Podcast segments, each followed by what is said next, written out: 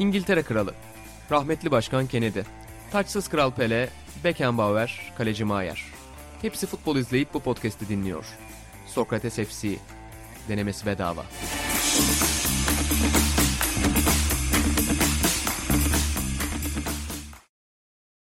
Sokrates'ten herkese merhabalar. Sokrates FC'nin yeni bölümüne hoş geldiniz. Ben İnan Özdemir, İlhan Özgen ve Atahan Altınordu ile birlikte futbol gündemini yorumlamaya ve yorumlamamaya devam ediyoruz efendim. Başlarken reklamımızı yapalım. Ee, geçen programda özellikle Atahan Altınordu sayesinde çok birbirimizi övmüştük. Bu ayda yeni sayımızı övelim. Dükkan.sokratesdergi.com'da şu an ön satışta olan ama siz bu programı dinlerken belki normal satışa da başlayan bir dergimiz olacak. Yani dükkan.sokratesdergi.com'dan Arsenal kapaklı Thierry Henry ve Bergkamp'ın e, kapağında olduğu sayıyı okuyabilirsiniz. İçinde Atahan Altınordu'nun olay Mario Jardel röportajı var. Mario Jardel'i yıllar sonra buldu ve tekrar konuşturdu. Atan Altınordu o röportajı tavsiye ediyoruz. Her ay olduğu gibi Toprak Sağ bölümünde İlhan Özgen yine çok özel bir yazı kaleme aldı. Bu ay Giuseppe Giannini var Toprak Sağ'da. Kesinlikle okumanızı tavsiye ediyoruz. Özellikle İtalyan ve Avrupa futboluna meraklıysanız. Bunun yanında İlhan Özgen'in imza hareketler dosyası da var. Arasya İş'le birlikte hazırladı. Stil merkez kortu yaptığımız için biraz böyle stili farklı olan, imza hareketleri olan, bu yönüyle ayrılan takımları ve kişileri incelemeye çalıştık. E, dediğimiz gibi dergimizi eğer sitemizden almak istemiyorsanız Getir'den alabilirsiniz. Getir'de yaptığınız alışverişin yanına ekleyebilirsiniz. Kitap yurdu yurdundan alabilirsiniz aynı şekilde. Farklı seçeneklerimiz mevcut sosyal medya kanallarında da bunu duyuracağız zaten. Beyler hoş geldiniz tekrardan. Selamlar. Hoş bulduk İnan. E, Atan sen geçen hafta İlan Baba sayesinde uzun yıllardır hayalini kurduğun bir adrese sahip olmuşsun. İsterseniz biraz ondan bahsedelim programın girişinde. Yani bugün farklı bir konumuz var ama o konuya uygun. Yani sen burada oyunculuk kariyerinden, Mahallenin Afacanları dizisinden bahsetmiştin daha önce ama Tolga abinin iletişim adresini bulmuş İlhan Baba galiba sana öyle değil mi? Evet e, ben şeyi görmüştüm. Tolga abi, Tolga Gariboğlu bir YouTube kanalı açmış. Onu görmüştüm ama e, orada bir iletişim adresi bulamamıştım. Çok da detaylı bakmadım açıkçası. İlhan bakmış sağ olsun. Oradan Tolga abinin mailini buldum. Kendisine bir mail attım. Ee, uzun da bir mail. İlhan çok güldü. Ee, hatta şunu... ne attın abi? Maili bize bir anlatsana. Bir özetle istiyorsan ya da oku istiyorsan. Ya mail, ben uzun bir mail yazdım. Baştan birkaç cümleyi okumasını çok isterim. Baştan şö- ya peki ya şöyle açayım o zaman bir saniye çok kolay da zaten. Ben bu arada geçen hafta bizi övdün Toprak Sahi. Biz de konuklarımızdan biri Kutay dedik. Kutay'ı da övdük bize Sokrates'ten çok kıymetli katkılar geliyor. Atağın da bulunmuştu ama ben bir katkıya burada teşekkür etmeyi unutmuşum geçen hafta. E, siteyle ilgili bazı editleri yaparken e, aklıma geldi ve gördüm yazıyı. Utandım müdürümden. İnan Özdemir'in Fausto Koppi yazısı Dinozof sayımızda. Yani, yani sitemizde yayınlanan en özel yazılardandır. Öyle özenerek yazmış İnan. Onun için özür dilerim müdürüm. Hakikaten müthiş bir yazı. Yalnız. Yok estağfurullah ne demek ne demek. Koppi varsa Bartali de olmak zorunda. Bartali de yazdırdınız mı? Koppisiz Bartali, Bartalisiz Koppi düşünülemez. Ya kim derdi ki 10 sene önce Atan Altan orada şu cümleyi kuracak yani. Fausto Coppi'nin olduğu yerde Gino Bartali de olmalı. Hani Gianni Mura, Gianni Brera ve Atan Altın orada artık. İtalyan gazeteciliğin 3 ekolü. Yok yok. Özellikle özellikle Mura'nın vefatından sonra tamamen bayrak Atağan'a kaldı. Yok e, bisiklette öyle futbol ve basketbol kadar iddialı değilim. ya Tolga abi mailini buldum açtım. Şöyle başladım. Tolga abi selamlar. Abi diye hitap ediyorum. Zira hem bizim kuşağın Tolga abisisiniz hem de 20-25 sene öncesinde de olsa sizle tanışıp o şekilde seslenmişliğim var diye başladım. Sonrasında şeyi anlattım. Yani dergiyi tanıttım. Ne iş yaptığımı biraz anlattım. Sonra da dedim ki işte beni tırnak içinde söylüyorum. Keşfetme hikayesini hatırlatıp bana Mahallenin Afacanı, Afacanları isimli bir e, çocuk dizisinde rol vermiştiniz ama maalesef devam edememiştim. Ama aynı projede yer alan spor programının muhabirliğini yapıyordum. Galatasaray As Başkanı Ergün Gürsoy'la yaptığım röportajın kaydına ulaşmak istediğimi böyle kibarca anlattım. Tolga abi bana çok nazik bir cevap verdi. Ama yani bütün nezaketine teşekkür ederek istediğim cevabı da alamadım. Bana şey dedi. Sektöründen dolayı biliyorsundur. Medya takip şirketleri üzerinden edinebilirsin dedi. Beklediğim cevap bu değildi. Medya takip şirketleri üzerinden de edinemiyorum. Ben de Tolga abiye bunu anlattım ama çok teşekkür ettim. Böyle. Edinemiyor musun? medya takip şirketleri o yıllarda çok iyi kayıt yapmıyor ama tabii Tolga abi bir ışık yaktı yine de o yani o yolu bir deneyeceğim bir daha ama o yılların arşivi pek iyi değil. Onu biliyorum. Ya işte bu ülkede niye Last Dance yapılmıyor? Çünkü Aynen. Atan Altınordu'nun Ergun Gürsoy arşivi şu anda Michael Jordan'ın evinde vardı o Michael Jordan olsa. Maalesef Türkiye'de işte bu arşiv kayboldu. Ya ben şeye de e, ulaşmayı çok isterim bu arada. En çok Mahallenin Afacanları dizisinden o röportajdan çok 2013 e, Haziran'ında o dönemki İstanbul valisiyle e, yaptığımız toplantının kayıtlarına ulaşmak isterim. Bugün ona baktım internette bulamadım.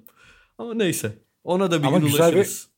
Bir, güzel bir kısa röportajım var atmışsın Onur'la bana. O değil baba. Asıl o toplantıdaki söylemlerimin açığa çıkmasını çok isterdim de. Neyse bakalım bir gün çıkar. Ya İlhan Özgen de aynı hisleri ediniyordur. Hani bütün hayatı medya satında geçen bir insandan bahsediyoruz işte efendim burada. Yani biz İlhan Baba'yla öyle bir şeyimiz yok. Biz normal hayatlar yaşadık geldik. Tolga abi tarafından da keşfedilmedik. Onun biraz üzdüğünü hissediyorum ben İlhan Baba. Sen de hissediyorsundur. Evet inancım ve hani sen daha neyse ki genç girmişsin. Ben neredeyse 30 yaşıma kadar bambaşka işlerle uğraştım. Yani Atağan'ın şu hayatına bakınca bomboş bir 30 yıl geçirmişim diyorum. Peki İlhan Baba sen yani mahallenin afacanlarından mı etkilenerek bu hafta sinema konuşalım dedin? Biraz olabilir. Bir de şeyi de ekleyeyim. Atan diyor ya hani kendimden biraz bahsettim. O normal insan birazı değil. Yani Atağan'ın birazı 10-15 cümle olabilir zaman zaman. Onu da belirtmek lazım. Yani Tolga Gariboğlu ne gibi bir maille karşılaştı? Biraz özetlemek adına. ya sevdiğim bir insan baba Tolga abi. Hepimiz de ya hiç kendini bozmamış hala. Aynı bu son YouTube videolarını da izledim. Adam 27-28 sene önceki haliyle, o tavrıyla, o nezaketiyle. E, dolayısıyla kendisine saygı duyduğum için yani o saygı gereğince böyle özenerek bir mail yazdım. Nasıl bozabilirdi kendini? Hani bozmadı diyorsun ya. Abi bugünün şeyleri daha farklı biliyorsun. Geçer akçeleri, değer yargıları. Yani yandaş bir Hugo mu yapardı? Vallahi Hugo'nun altın dişleri. Ee, ya şöyle e, öyle değil. Hugo falan değil. Mesela sırf karşısındaki e, kitleye sunduğu saygılı tavır, e, nezaket, üslup bu bile bence bugünkünden farklı. Hani bugünün ortalamasına düşmemiş Tolga abi benim gördüğüm kadarıyla. Bir de o Hugo'nun mesela ben internetten biliyorsunuz eski Atari oyunlarını çok oynarım. Hugo'nun Tolga abinin sunduğu haliyle oyununu bulmak çok zor. O tren yolu olsun, mağara olsun birebir onlar bulunmuyor. Benim de içimde kalan ukde o yani. Çünkü biz çevirmeli telefona sahip olduğumuz için hiç oynamamız mümkün olmamıştı. Hep oraya bağlanmak ve oynamak isterdik ama bir türlü yapamamıştık kahramanla. Şu anda ben, da o, o keşkemi gerçekleştirmek istiyorum ama gene olmuyor. İki Yok şey yani. söyleyeceğim İlhan'a dair. Birincisi bana mail atarken ya iki şey söyledi. Birincisi oyunu da sorar mısın dedi. Tabii ben Tolga abinin cevabından o yüzü bulamadığım için soramadım. Aklımda o vardı. İkincisi İlhan şey dedi. Baba dedi Allah aşkına şey demesin ölürüm ben dedi. Ne dizisi kardeşim ben öyle bir dizi çekmedim der, derse dedi. ölürüm gülmekten ölürüm ölümümün sebebi olursun dedi ama tabii gönderdim Tolga abi hatırladığını söyleyince burada kendimi temize çıkarmış oldum. O zaman buradan bir kez daha seslenelim Tolga abiye. Lütfen bir daha düşün bir daha arşivlerine bak. Mahallenin afacanları ve Ergun Gürsoy röportajı varsa yani o Frost Nixon röportajı gibi düşünebilir onu Tolga abi. Varsa arşivinde lütfen bizle paylaş. Sokrates FC dinleyicilerinden de baskı bekliyorum bu konuda. YouTube'a yazın efendim. Bu bölümler bulunsun deyip e, Çok İlhan Özgen'e pas atayım. Yani bu hafta spor ve sinema üzerine biraz konuşalım diye düşündük çünkü. Evet. Aynen öyle. Çünkü ikiniz de iyi film izleyicisi insanlarsınız. E, işimizde spor olunca hiç bunun muhabbetini yapmadığımızı hatırladım ve bunun üzerine biraz geyik yapalım dedim. Çünkü Atan senden benden öte bir sinema severdir. Muhakkak ortak noktalarımız ya da farklı e, önerilerimiz olacaktır diye düşündüm. İlhan burada ben çok kısa bir şey söyleyeceğim. Benim iddialı olduğum bir alan değil çünkü ya ben unutuyorum izlediğim şeyleri biliyorsun. Unutuyorum. Aradan bir sene geçince yeni film izliyor, izliyormuş gibi izliyorum. Ama burada sevdiğim filmlerden hatırladığım kadarıyla bahsedebilirim tabii. Senin öyle bir Alfred Hitchcock filmi miydi? İzleyip büyülendiğin beşinci ya, izleyişinde. İlhan, sorma o şey North by Northwest. Alfred Hitchcock'u çok seviyorum. En sevdiğim filmi North by Northwest. Bir gün Netflix'te Alfred Hitchcock filmi açtım. Ee, dedim bu filmi hiç bilmiyorum. Türkçe adıyla yazıyor. Alfred'cim ne yapmış gene? Nasıl? Alfred'cim gene ne yapmış Girdim dedim. izledim. 15. dakika falan baş karakterin adı geçti. Ee, George Kaplan. Kaplan'ı hatırlıyorum da George'u yanlış değildir inşallah. Ya dedim ben bunu bir yerden biliyordum. Allah Allah neredendi falan. Bir baktım o film North by Northwest'miş. Çok sevdiğim 5 kere izlediğim filmi bile 15. dakikada tanımak düştü bana yani ne yapayım. İşte böyle, böyle bir adamla sinema konuşacaksın bugün. Ben bugün daha pasif olmayı düşünüyorum.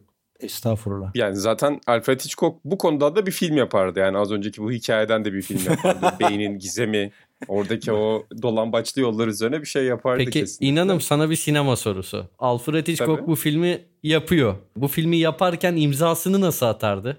Yani onun bir şeyi var. Hadi neyse. Cameo mu diyorsun? Cameo ne? Ben tabirini bilmem. Yok ben de bu yani şu anda okunuşunu onun dokunuşu aksanlı yaptım bilerek. onun dokunuşu şudur. Alfred Hitchcock bunu tabii sadece kendisi yapmıyor ama her filmde bir sahnede çok önemsiz bir noktada kendisini gösterir bize. Benim filmimi yaparsa da bir yerde karşımıza çıkacaktır o rolde. Öyle bir imza atacaktır. usta spor karakteri de koyardı filmlerine. Öyle bir güzelliği vardır. A- Ali Samiyen de kapalıda Atahan'la birlikte bir anda hiç koku görürdü. İlhan Baba sen bu ara biraz eski filmlere sardığını görüyorum. Yani senin özellikle klasik Hollywood sinemasına olan ilgin malum. O İkinci Dünya Savaşı sonrası İtalyan sinemasına çok ciddi bir ilgin var ve ya bunların Estağfurullah. içinde aslında sporcu karakteri yani spor filmi dediğimiz şey çok yok belki. Ama sporun arka planda olduğu çok fazla hikaye var aslında o tip filmlerde. E tabii işte Rocco ve kardeşlerinde e, Visconti'nin boks var baktığında işin içine. E, derinlemesine baktığında bir boks olayı görüyorsun ya da bir boksör adamın hikayesini görüyorsun. Öyle şeyler var. Boks çok kullanılıyor ama o dönemde. Yani bisiklet hırsızlarına baktığında ufaktan futbol da var. İşte taraftarları izledikleri bir bölüm vardır ya çocuğuyla birlikte.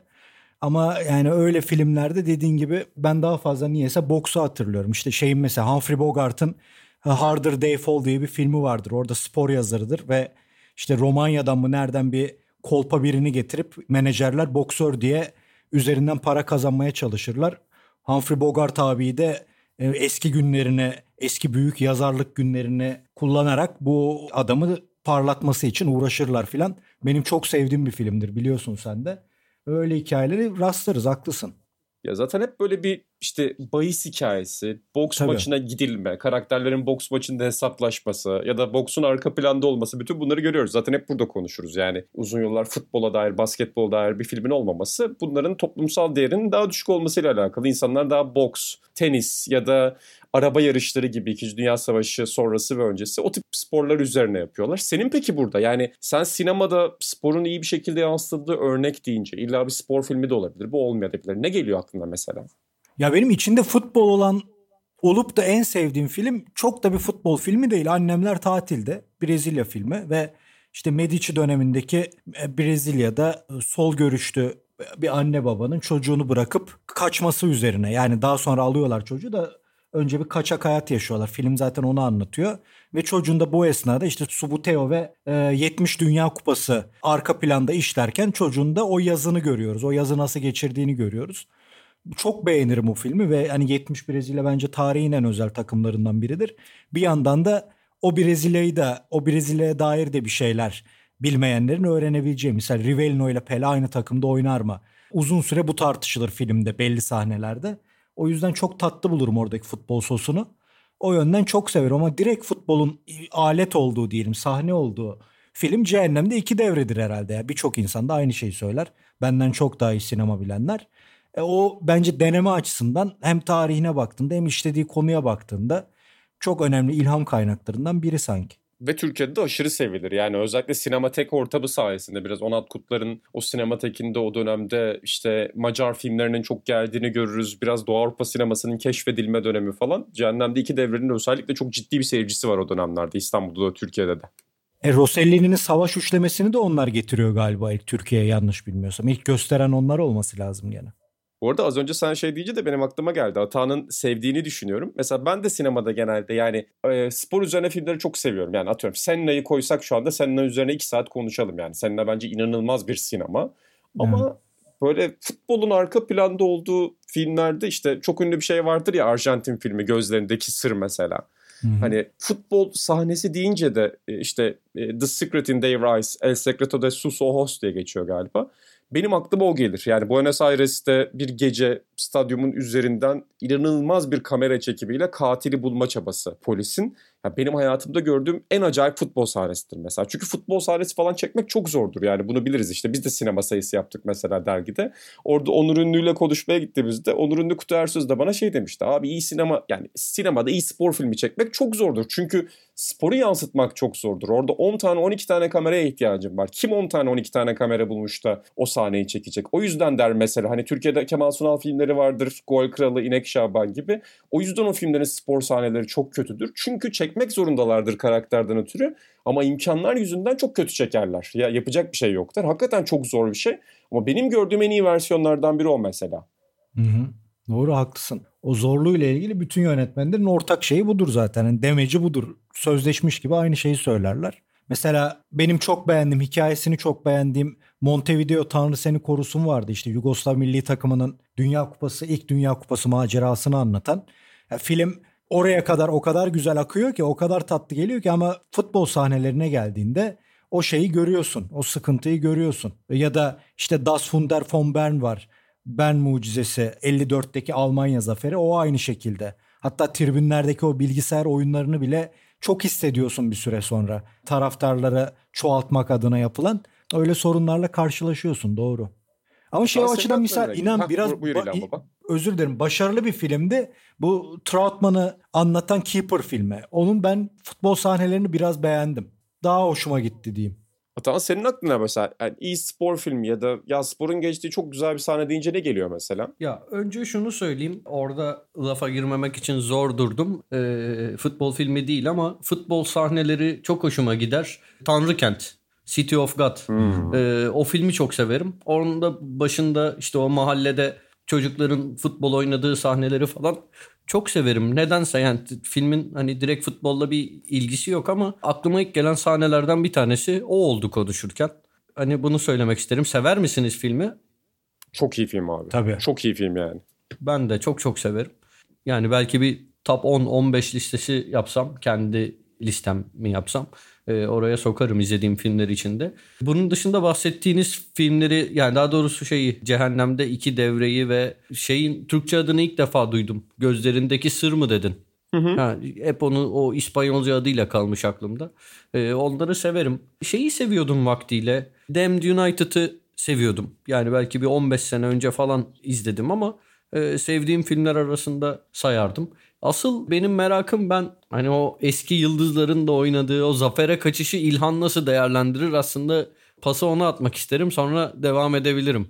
Dem United'ı ben sanırım 45 kez filan izledim. Onu da değineyim. Sen güzel dedin. Yani maç sahneleri bence iyi değil. Ama dönemi yansıtma açısından yani o soyunma odalarından tut da İngiltere'deki stadyumlar falan muazzam. Bir de kast kötüydü. Yani Billy Bremner'ı bayağı göbekli bir adam oynuyordu falan filan. Johnny Giles aynı şekilde. Ama yani hikaye güzeldi. Biraz abartmalar falan var ama dönemi yansıtma açısından acayip beğenmiştim. İlhan kast kötü dedin ya. Ya bir tek o Brian Clough'u ben bazen hangisi gerçek Brian Clough hangisi Michael Sheen onu karıştırırım. O çünkü ya onunla öğrenmiştim ben Brian Clough'u. O yüzden bir tek hani o bende o kadar yer etmiş ki hangi hangisi hangisiydi karıştırırım bana gösterseniz.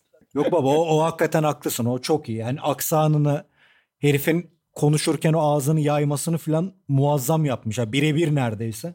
Ben de onu çok takdir etmiştim ama futbolcular açısından söyledim onu. Haklısın orada. O filme hiç futbolla alakası olmayan bir arkadaşımın Çağatay'ın ulan Brian Clough mu ne bir herif varmış öyle biri var mı diye okulda sormasıyla tanışmıştım. Çok izledim ardarda arda ya. Yani ulan ne diyorsun dedim adam kasaba takımına Avrupa kupası almış. Ha doğruymuş demek filan dedi ve filmi getirmişti. Çok izledik ya. Baba Zafer'e kaç bir yazıda belirtmiştim ben onu. Hangi yazı olduğunu hatırlamıyorum. Yani teknik olarak yönetmen ortaya çıkan ürün eleştirilir. Bir şey demiyorum. Hikaye hikayenin fazla egzajere edilmesi bir şey demiyorum. Yani Cehennem'de iki devrenin aslında farklı bir versiyonu. Daha Amerikanı. Ama bizim jenerasyonumuz, senin jenerasyonun biz Pele'yi ilk kez orada gördük abi. Yani Pele'yi başka türlü göremiyordun 90'lı yıllarda. Ya bir sürpriz bir yerden bir yabancı kanalda maçını göreceksin özetini ya da o Röveşata'yı oradan görüyorduk. Ben Ardiles'i orada tanıdım. İşte Kazimierz Deyna'yı orada tanıdım. Babam söylüyordu. Ünlüleri daha ünsüzleri daha onlara göre ünsüzleri var. Onları sonra öğrendik ama bu açıdan benim için ayrı bir yerdedir şey. Ee, Zafer'e kaçış. Yani biz Pele'yi orada gördük. O röveşatayı, hareketlerini orada izledik. Bir belgesel niteliği taşıyor benim için bir bakıma. Baba benim yani bu arada söylediğin şey çok doğru. İşte ben de babam küçükken önermişti. Onun sayesinde izledim Zafer'e kaçışı. Yani Pele'ye dair bir spor imgesi mesela benim kafamda da Zafer'e kaçıştan var aslında. Yani Pele benim için Sylvester Stallone'la aynı yerde mesela. Çünkü canlı olarak zaten izlemedim. Banttan da Pele'nin golünü falan görmüşümdür de oturup bir maçını izlediğim yok yani.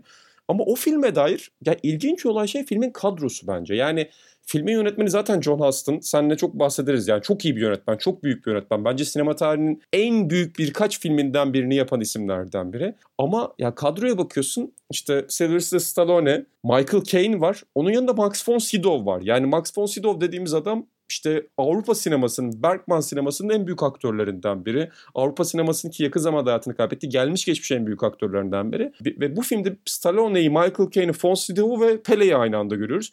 Ya casting anlamında da çok ilginç bir film bu hakikaten. Evet inan yani daha birçok oyuncu var. Yani John Walk'lar falan da var arkaya baktığında da. Ee, dünya futbolunda iz bırakmış oyuncular olarak. O şeyden mi geliyor acaba tam bilmiyorum. Çünkü ben Ipswich'lerin, Russell Osman'ların filan oradan bağlantı kurduğunu biliyorum. Raps'ın yapımcıyı tanıyor. Filmin yapımcısını tanıyor ve İngiltere'deki bütün takımlara bir haber gidiyor. Burada oynayacak oyuncu var mı diye. Ve öyle öyle Bobby Moore'lar falan ayarlanıyor. Bobby Moore zaten futbolu bırakmış durumda. Acaba John Aston'ın bu 2. Dünya Savaşı döneminde onların propaganda filmleri var ya. O dönemde mi İngiltere ile bu kadar bağlantı sağladı da bu kadar geniş bir ağ eriştiler bilemiyorum. Yani ben Huston abiye bizim Humphrey Bogart'ın efsane filmlerindeki yönetmen olarak tanıdım. Ama olayı bu kadar genişletip dediğin gibi hem futboldan hem Avrupa hem dünya sinemasından bildiğin All Star toplaması ilginç bir şey yani. Orayı bir kurcalamak lazım. Ya bir de artık çok yaşlanıyor zaten. 3-4 senesi kalmış. Baktığında yani filmi yaptığı tarih falan da çok ilginç. Yani 80'lerde John Huston sineması aslında bitmeye gidiyordu. Yani bir tane James Joyce uyarlaması yapıyor en son ama yani evet. son dönemi artık. Orada bu kadroyu toplaması cidden çok ilginç. Ee, bu arada hani şey verirken de bahsederim İlhan Özgen'le andığımız film. Sierra Madre yani The Treasure of Sierra Madre. Eğer John Huston filmi izlemek istiyorsanız efendim izleyebileceğiniz filmlerden biri. Humphrey Bogart oynuyor filmde. Walter Huston oynuyor. Ben de There Will Be Blood sayesinde öğrenmiştim. Benim hayatımda izlediğim en büyük Hollywood filmi olabilir bu. Yani Malta Şahin'i falan da çok güzel filmdir belki. Çok severim. Yani çok fazla çok fazla ünlü filmi var baktığında. E, işte The African Queen var. Bence bu seviyeden bir altında bir film. Ama yani The Treasure of Sierra Madre inanılmaz bir film. İnanılmaz bir film gerçekten. Biliyorsun Walter Huston Oscar alıyor orada ve Oscar konuşmasında şey diyor sanırım. İşte olması gereken bir evlat babasına Oscar aldırdı falan gibi bir konuşması var böyle. Ya ben de mesela African African Queen çok övülen bir filmdir. Ben bir yani çok basit bulurum onu. Sonu filan böyle direkt bir Amerikan İngiliz şey hikayesi. Ama ya bu film insanın içindeki o canavarı ortaya çıkarması açısından çok çok beğendiğim bir filmdir. Gene Moby Dick'i de çekmişti yanlış bilmiyorsam. Moby Dick de var misal. Orada da işte şeyin e, Gregory Peck'in başrolü kaptanı oynadı. O da benim çok sevdiğim bir filmdir ama yani Treasure of Sierra Madre benim de en sevdiğim filmdir. Onu bir yayında da söylemiştik yani Paul Thomas Anderson şey lafı vardır. Ona hep çok etkilenirim ben. Hani There Will Be Blood'ı yazarken her gece onu izledim diyor. Yani film öyle bir takıntı oldu ki benim için. Zaten Hı-hı. iki film arasındaki bağlantı çok aşikar yani değinmeye gerek yok. Sana bir soru soru atağına soracağım. Pele'nin imajı dedin. Sen Pele'nin bu imajının yani sporcu imajının ne kadar bilindiğini düşünüyorsun şu an? Yani mesela Pele'nin sporcu mirası sence ne? Evet onu bir şeyde biz Neymar sayısında mı ne yazmıştım galiba. Pele kendini yanlış anlatıyor bence. Pele her şeyde çıkıp işte ben daha iyiydim. Ben Messi'den daha iyiyim çünkü kafayla gol atıyordum filan diye komik yorumlar yapıyor. Aslında Pe- Pele 2. Dünya Savaşı'nda son, savaşından sonraki ilk sporcu futbolcu bence. Yani Pele'yi sahada izlediğinizde yok kaç çalım atmış, yok bin gol atmış mı atmamış mıdan ziyade sahada diğer oyuncularla karşılaştırıp duruşuna, buna çok övülen Garinça da dahil. Duruşuna, depar atışına, topu aldığındaki vücudunun şekline, üst kaslarının, göğüs kaslarının, kollarının, omuzlarının yapısına onları incelediğinizde atletizmi farklı bir boyuta getirdiğini görüyorsunuz. Aslında Pele bu yönüyle anlatılması gereken çok çok özel bir oyuncuyken ben 2000 gol attım, ben 3000 tane daha atardım, ben 4000 tane attım da saymadılar gibi muhabbetle ve Dünya kupalarından önce yaptığı garip çıkışlarla bir nefret objesine dönüştü. Yani şu an yeni futbol izleyen çocuklar o zaman offside bile yokmuş diye hem yanlış hem salakça hem de bir bakıma nefretlerini kusan şeyler söylüyorlar Pele ile ilgili ama Pele sanırım onu Pöti mi ne söylüyor bir röportajında. Eğer ışınlanma olsaydı ve bugüne ışınlansalardı geçmişten gelen ve şu anda direkt uyum sağlayabilecek ilk oyuncu Pele olurdu diyor. Hakikaten çok özel bir atlet izliyorsun. Hani Amerikalılar öyle der ya atlet yani herif hakikaten. O açıdan önemli bir oyuncudur Pele yani öyle sallamamak lazım. Ben de sevmiyorum. Brezilyalıların buna Zico da dahil Garinça'yı çok övmesinin nedeni de Garinça bir Brezilyalıdır abi. Garinça kazandığı bütün parayı bir haftada yiyen, içkiye, kadına bunlarla alem yapan, yıllar sonra İsveç'te gayrimeşru bir çocuğu ortaya çıkan, Brezilyalıların birçoğunun yaşamak istediği tarzda yaşayan ve çok parası olduğu için de bunu iyi yaşayan bir adam ve ünlü. Ama Pele öyle değil yani. Pele'nin daha hani diyorlar ya şimdi futbola çok para girdi. Pele'nin daha 1967'de Pepsi sponsor abi. Amerikalılar herife film yapıyor daha kaç yılında. Pele'nin ayrı bir kendi filmi vardır. Çocuklarla futbol oynar, futbol okulu gibi. Yani onlar hep kullanılan şeylerdi. Bunun öncülerindendir. Önemli oyuncudur yani. Dünya futbolunda milatlardan biridir. Mihenk taşlarından biridir yani ilk global spor ikonu denebilir. Yani hakikaten spor ikonluğu 80-90 sonrası çok büyük bir ticarete dönüştü. Yani 80'ler Dayton Senna'lar, 90'da Michael Jordan'lar, 90 sonu Mia Schumacher, 2000 başı Mia Schumacher işte sonrası günümüzün spor ikonları. Hani popüler kültürün de beslediği spor ikonu kültürü işte filmlerle, şarkılarla, popüler kültürdeki ideolojik başka söylemlerle aslında Pele'de başladı diyebiliriz. Yani daha önce de var. İngiltere futbolunda da çok var o popüler kültürün sporun içine girişi. İşte bugün bizim hala belki Stanley Matthews'u bu kadar iyi bilmemizin sebeplerinden biri o. Ben bile hani çok kısıtlı spor tarihi bilgimde onu biliyorum. Yani bu filmlerin aslında bahsettiğimiz sinema ya da şarkı ilişkisinin böyle avantajları da oluyor bazı sporcular için ve döneminden önce bunlar o ikonlaştırmayı yaşayan sporcular. Tabii yani bugün 10 numara dediğin şey bir kavramsa tamam Puşkaş Pele'den önce parlamıştır ama 10 numarayı bu kadar simge yapan Pele'dir. Yani 70 Dünya Kupası'ndaki o duruşu, yani o şeyi simgesi 60'lar Santos, Santos'ta yaptığı Avrupa turları yani 10 numara futbolcu kavramını 10 numaranın değerini, 10 numaranın karizmasını yücelten bir adam kimse kim dersek o da Pele'dir yani. O açıdan çok çok önemli bir mihenk taşı. Yani öyle tamam kızalım, sevelim, sevmeyelim ayrı şeyler. Ben de çok ya yeter be Pele diyorum ama hakikaten özel oyuncudur. E, bu arada Zafer'e kaçış demişken Atan Sylvester Stallone'ye getireceğim. Hani hem senin film, sevdiğin filmleri alalım hem de seni bu hafta Rocky izlerken gördüm. Yanlış mıyım? Abi ben tutuldum. Ee, yani Rocky'ye inan, inanılmaz tutuldum. Çocukluğumdan beri izlemiyordum. Evde gerçekten hani kah zaten ben hani ne izlesem ağlarım da kah ağlıyorum kah böyle ayağa kalkıp bağırıyorum. Son 10 günde e, 1'i 2'yi 3'ü izledim. 3 1 ile 2'nin yanında biraz bence hafif yani sönük kalıyordu. E, kötü film demiyorum. Ama 1 ile 2'de yani gerçekten olağanüstü bir tecrübe yaşadım. Bunca yılın ardından izlemek beni çok etkiledi. Tabii ya şey de çok güzel film. Burada anmak lazım. Ee, Raging Bull da çok güzel bir film. Onu çok severdim. Oyunculuk anlamında gördüğüm en iyi performanslardan biri. Yani benim sizin kadar sinema konuşacak bilgim yok. Ben mesela işte John Hudson'ın adını az önce duydum ki Malta Şahin'i de mesela çok severim. Ama ben hani üstün körü sinemayla ilgilenen biriyim. E Malta Şahin'i deyince benim aklıma Humphrey Bogart geliyor. Ne bileyim yani yönetmenini falan bilmiyordum açıkçası. Az önce mesela işte isim andınız Gregory Peck dediniz. Gregory Peck deyince benim aklıma tek filmi geliyor. Yönet e, şey değil tabii yönetmen değil o oyuncu da yani bu kadar e, fikir yürütecek veya işte otorite gibi konuşacak biri değilim. Ama Robert De Niro'nun e, Raging Bull'daki oyunculuğu gördüğüm en iyi oyunculuklardan bir tanesi. Box filmlerinden bahsetmişken onu da araya sıkıştırmak istedim. Bunun dışında Rocky hakkında İlhan'la sohbet ettik. İlhan bana şey diyor. Beşinci filmin hakkını ver diyor. Beşinci... Altı altı altı. A, öyle mi? Pardon özür Aynen. dilerim. Ee, Giray da İlhan'ın çok yakın arkadaşı. Beni de askere gittiğimde Ankara'da karşılayan sağ olsun. Giray da mesaj atıp İlhan gibi şey dedi o da. Baba dedi dördün hakkı verilmiyor sen onun hakkını verirsin dedi. Şimdi önümüzdeki bölümlerde üzerimde bir baskı var. Filmleri sevmek zorundayım. Böyle hissediyorum. Ama gerçekten hani belki bizi yaşı daha küçük olan insanlar da izliyordur ve yani Rocky gözlerinden kaçmıştır. Çünkü bizim çocukluğumuzda ayda bir kere falan televizyonda veriliyordu bu filmler. Rocky'yi tabii tavsiye ederim. Benim şu 2-3 aylık evde geçen periyodumun böyle hani şey olsa frekans gibi radyo dalgaları gibi yükselme inme olsa en üstteki anlardan bir kısmı Rocky'yi izlerken oldu. Peki e, dublaj mı izledin altyazı mı? Abi Önemli soru. şöyle ben dublaj izlemek istedim aslında hiç adetim değildir. Yani en son ne zaman dublajlı film izledin desen cevabım yok. Bunu nostaljik olsun diye dublajla izlemek istedim ama Blue TV'de izliyordum. O seçenek yoktu önümde.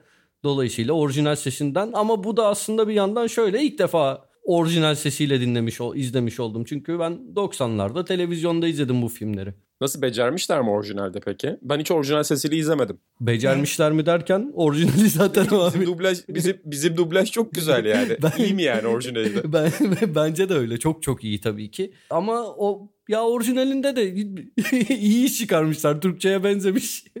ya orijinalden bildiğim tek şey bir ya daha doğrusu iki sesi daha önce duydum. Bir o Adrian diye bağırmasını Sylvester Stallone'nin tabii ki daha önce duymuştum. Bir de bende o Bill Conti'nin e, Bill Conti imzalı müzik MP3 olarak vardı yıllarca. E, işte o MP3 döneminde arşivimde vardı. O işte Adrian'ın Win diye fısıldamasıyla başlıyordu. Bu, Of. bu seslere aşinaydım. E, filmin bu versiyonunu da sevdim. E, bu arada İlhan Baba sana sözü bırakacağım. Hani Rocky'den sen de çok büyük bir Rocky bilginisin. Ama mesela yani benim çocukluğumda izlediğim filmlerden biri olduğu için bütün o politik e, arka planını falan geride bırakayım. 5 de beni inanılmaz gaza getirir ya. Yani 5 gerçekten kötü bir film. Dört, Ama dört. yani 5'i izledikten sonra duvarı falan yumruklayasım geliyor. Hani iyi anlamda duvarı sinirden yumruklayasım değil. Yani o Ivan Drago ile mücadelesinde falan birçok küçükken Galatasaray maçından daha fazla e, heyecanlanmışımdır Rocky Ivan Drago mücadelesinde. Rocky 4 onu düzeltelim de 5 sokak dövüşçüsü. Aa pardon pardon doğru doğru 4 4 evet. Ben Rocky'lerin hepsini ayda bir izlerim tekrar. Arada Aras'ta da izleriz. Ben Atağan'ın o bahsettiği çocukluktan bize her ay gösterirlerdi ya. Onu alışkanlığa çevirdim. Devam ediyorum ama yeni dublajlarda Sezai Aydın yok ve ben dublajda izleyemiyorum. Yani Sezai abim olmadan izlenmiyor. O Sylvester'a Sylvester'dan çok yakışan sesiyle hakikaten muazzam bir dublaj. Sezai abim yok. Ben rastlıyorum bendeki sinema kanallarında başka bire saygı duyuyoruz ama o hissi vermiyor bana. İnan Rocky 4 için şunu derim ben. Onu farklı taraftan izleyip aslında Amerika'yı kötülüyor diyenler de var. Öyle yazılar da var ama soundtrack albümü olarak benim bir dönem merakım vardı o soundtrack albümlerine. Daha iyisini dinlemedim sanırım ya. Ya muazzam bir soundtrack albümdür. No Easy Way Out, Burning Heart harika şarkılar var. Zaten Gonna Fly Now ana soundtrack o çok iyi bir şarkı Bill Conti'nin. Çok çok çok özel soundtrack'tir. O açıdan şey yaparım. Ya onun sonunda da bakma ya film tamam Amerikan propagandasıdır da sonunda tüm salonun Rocky diye bağırması olmasa aslında gene bir, bir türlü katlanılacak bir şey ama o biraz abes kaçıyor yani. Hani Maradonacıların var ya öyle bir hayali tüm Napoli o gün İtalya'nın karşısındaydı diye. Halbuki yok öyle bir şey. Bu abi de öyle bir şey yapmış yani orada Sylvester. Bir coşmuş. O biraz kötü duruyor. Onun dışında kötü bir film değil bence de o kadar yani. Tamam. Ya mesela senin dediğin o ters okumalara rastladım ben de. Düzelteyim ben de Rocky 4'ten bahsediyorum İlhan Baba haklı. Ee, işte o ters okumalarda şeyden bahsediliyor. İşte makine ile insanın mücadelesi. Bu Atağan'ın çocuk ekine yazdığı o 1988 Aynen finali gibi. Ama aslında filmde makine olan Rocky insan tepkisi gösteren Ivan Drago mesajı var diyorlar. Yani bütün o soğuk savaş propagandası altında aslında film temelde Amerika'yı yüceleştiren değil Amerika'nın dibindeki şeyle Rusya'nın dibindeki şeyi karşılaştıran ve zıtlıkları ortaya çıkaran bir film. Tam tersini ortaya çıkaran bir film diyorlar. Ya öyle de okunabilir tabii ki ama senin dediğin gibi o Rocky Rocky falan diye bağırmaları çok çiğ. Ama bir yandan da beni hayatta hakikaten en gaza getiren filmlerden biri. Sen Noise veya deyince de aklıma geldi. Ya o şarkıyı dinleyince şu- bugün bile tüylerim diken diken olur yani. Benim hayatım boyunca yani hayatım boyunca demeyeyim de ufakken biraz vardı. Hiç araba merakım olmadı. Ama o sahne o evden çıkıp da gaza basıp Lamborghini'ydi galiba arabası tam bilmem. Onu Noise veya Robert Tepper'la gidişi delirtir beni. Bak tüylerim gene bir kıpraştı. Fena oldu. Yani buraya paramız yetiyorsa bir Noise veya Out alalım. Ee, Buradan Ben maaştan Sokrates veririm. Podcast'teki arkadaşlarımıza sesleniyorum. Tam peki senin böyle sinirlendiğin karakterler var mı Rocky'de? Çünkü sen maç izlerken falan yani bu ifademi seyirciler mazur görsün noktada koyabilirler. Böyle hani ekrana piç falan diye bağırırsın. Hani öyle bir hissin oldu mu Rocky izlerken? Olmadı. Ee, olmadı. Daha dostanesin. Ya bu bu filmde olmadı. Bence ya burada rakip karakterlerin bile bir şeyi var bence. Yani belli sınırlar dahilinde tırnak içinde kötü karakter olarak yansıtılıyorlar. Bir de şeyi falan hatırlıyorum zaten. İleriki zamanlarda Rocky'nin dostu olacak aslında rakibi falan. E, dolayısıyla öyle sinirlenmedim. Beni bu arada gaza getiren asıl sahne herkesi de gaza getiren sahnelerden bir tanesi o antrenman sahnesi. Evden çıkıp e, işte ilk iki filmde de var zaten.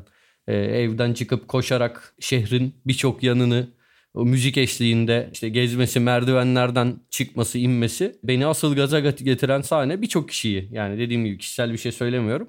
E, odur. Belki sizin için de öyledir. Bana bir de şeyi hatırlatır bu sahne. Yayaya Şaşaşa filmini. Çünkü bence Türk sinemasının rakisi de Yayaya Şaşaşa'dır bir anlamda. Hem belki hatırlarsınız İlyas Salman'ın her yerde antrenman metodu oluyor orada. Onu uyguluyor. Teknik direktörü ona her yerde antrenman yapacaksın diyor. E işte bu gidiyor bakkaldan siparişleri eve götürürken merdivenlerde onları halter gibi kaldırıyor. Poşetleri işte çıkarırken ne bileyim aşağı yukarı kaldırıyor indiriyor zili kafa vuruşu gibi çalıyor. Kafa vurarak e, kapıyı kafayla açıyor. Etleri yine halter gibi kaldırıyor. Bir de şey var. E, nasıl Rocky et deposunda antrenman yapıyor. E, orada da etlerin arasında görürüz. Belki hatta orada bir gönderme bile olabilir diye düşünüyorum. Yayaya Şaşaşa'yı da buradan anmak istedim. Hatta sen ilk bölümlerde şeyi söylemiştin. Türk sinemasında futbol sahneleri genellikle hani çok üstün körü çekilmek zorunda kalınır diye. Bence onların içinde iyilerden bir tanesi Yayaya Şaşaşa hatta Fenerbahçe Beşiktaş'tı şimdi yanlış hatırlamıyorumdur umarım. Fenerbahçe Beşiktaş maçından önce gerçekten işte şeye çıkıp sahaya çıkıp tribünleri selamlaması zaman zaman işte ne bileyim daha gerçek tabii ki hani karşılaştırılmaz iyi yapanlarla ama Türk sineması ortalamasına göre daha gerçekçi futbol sahneleri vardı bence. İlhan Baba senin Türk sineması denince bu tarz aklına gelen var mı? Çünkü sen bir yandan Türk sinemasına da çok meraklısın tarihine. Evet bir tane söyleyeceğim ve Atan hemen hüzünlenecek. Bir boks filmi aslında. Arkasında gene boksun ah, paralel olarak devam anladım ettiği. bile. C- anladım. Cüneyt Arkın hayatımızın en güzel ah, yılları. Yani ah. sonu biraz aceleye getirilmiş ama bence hikaye olarak çok çok sevdiğim bir filmdir. Çok beğenirim o filmi. İşte dar alanda kısa paslaşmalar var klasik. Ama yani içinde spor olan bir film. Bir spor filmi değil ama dediğim gibi hayatımızın en güzel yılları severim.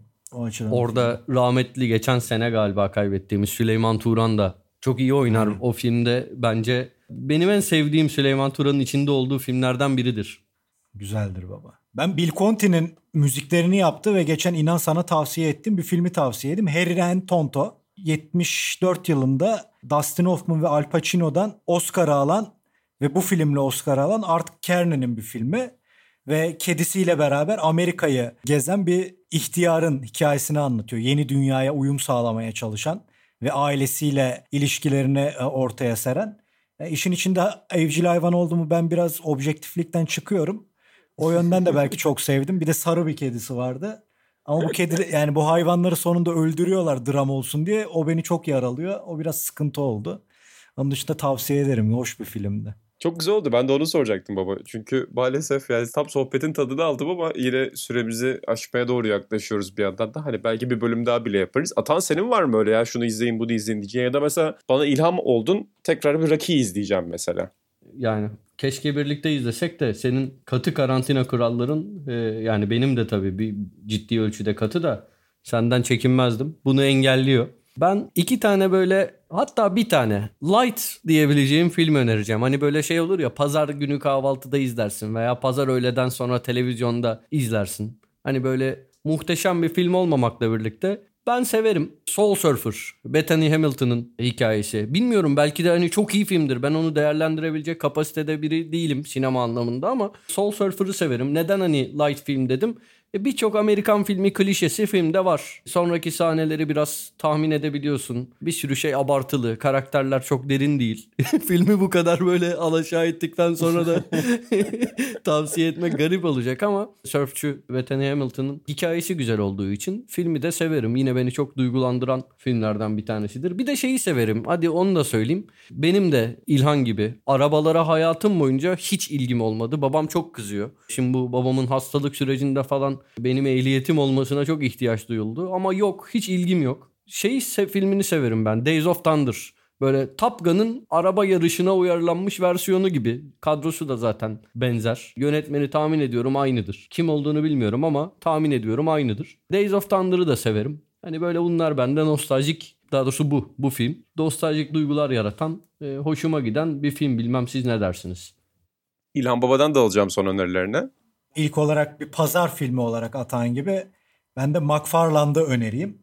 Çok fazla göçmenin olduğu bir kasabada bir koşu takımı oluşturuyor ve bir şeyler peşinden koşmaya başlıyor. O çocuklara bir amaç veriyor.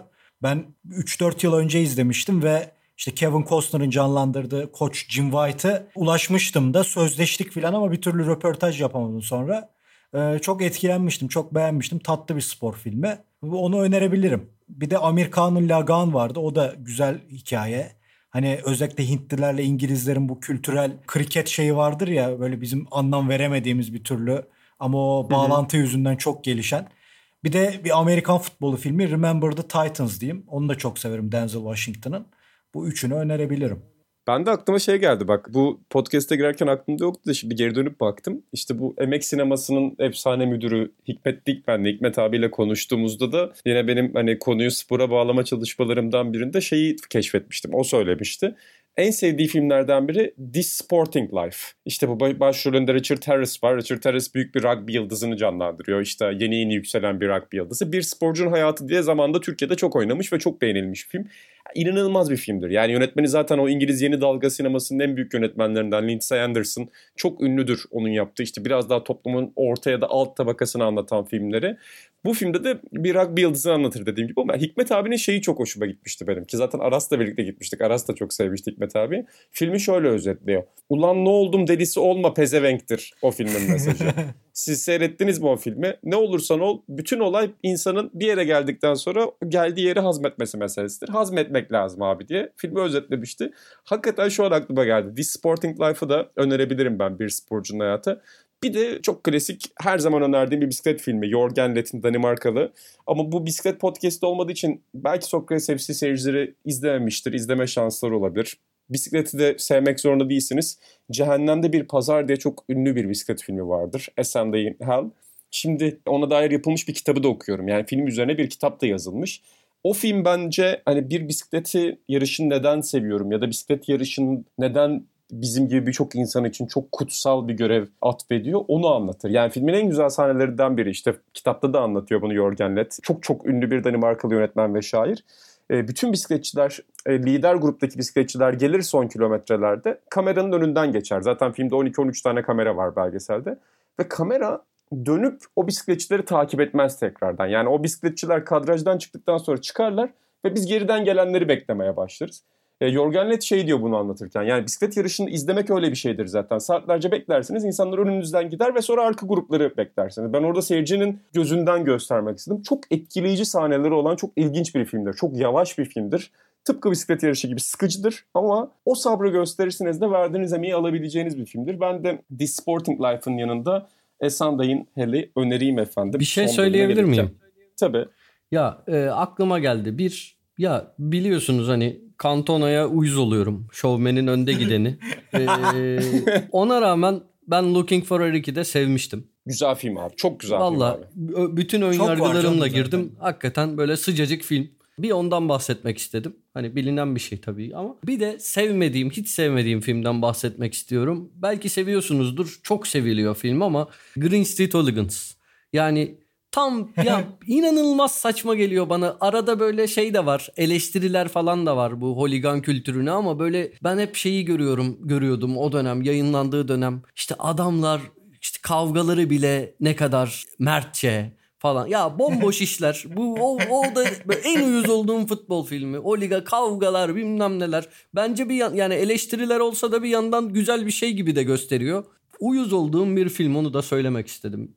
Helal olsun sana. Bu arada bence de estetize ediyor biraz şiddeti. Yani o West Ham marşının güzelliği de bu etki yaratıyor olabilir. Ya da çocukların evet. o kot pantolonları, beyaz adidasları, o stil giyim mesela ben çok küçükken izlemiştim. Ulan demiştim herhalde güzel giyinmek böyle bir şey. O kot pantolon altına beyaz e, adidas, üstüne kapşonlu üst. Bence biraz estetize ediyor. Ben de yıllardır izlemedim ama haklısın bu konuda. Bu filmden etkilenen Sokrates üyesini de burada ifşa etmek isterim. Blow'un başlığı blok döneminde I'm Forever Blowing Bubbles'tı.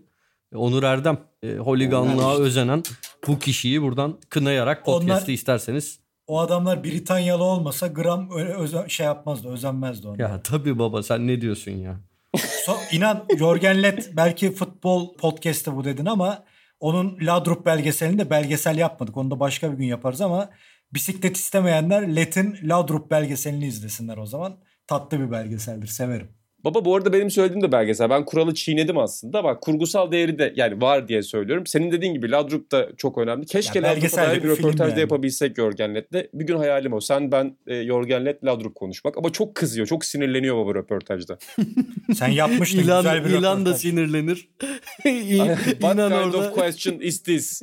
Loud, louder diye bağırdı bana mesela. Ben çok böyle kısık sesle korkarak söyledim. Bağırsana lan ne biçim ses falan böyle bir şeyler dedi. Çok sinirli ama on numara bir adam. Vallahi Lett. İlhan küfrü da. yapıştırır. Sen de arada kalırsın. Neyse ki tatava yapmanın dancası yok da ya da İngilizcesi tepki veremiyor. O zaman çok teşekkür ederim. O zaman Atahan'dan Rocky 4, 5 ve Rocky 6 ya da Rocky Balboa yorumlarını bekliyoruz sonra. Tamam babacığım. Haftaya bunu da açalım. Atan Aynen. bitirirse haftaya Rocky'den son kalanlar ve hangi filmlere hakkını verdi Rocky'nin. E, onu tekrar bir konuşalım efendim. Tamamdır. Aynen öyle. Ee, inanın daha fazla uzatmayayım. Sürekli senin işini zorlaştırdım moderasyonda. Estağfurullah. Sen, sen, bir- senle bu işi yapmak bir şereftir. Mahallenin afacanları ve Ergun Gürsoy röportajının unutulmaz ismiyle bunları konuşmak şereftir. Buradan dediğim gibi Tolga abiye de tekrar sesleniyoruz. Lütfen bu işte bir yardımcımız ol. Bu işi beraber çözelim. Burada hepimiz kazanacağız. Türkiye kazanacak. Sokrates FC'nin yeni bölümlerinde birlikte olmak dileğiyle efendim. Dergimizi dediğim gibi dükkan.sokratesdergi.com'dan ya da Getir, Kitap Yurdu gibi adreslerden edinebilirsiniz. Görüşmek üzere. Hoşçakalın.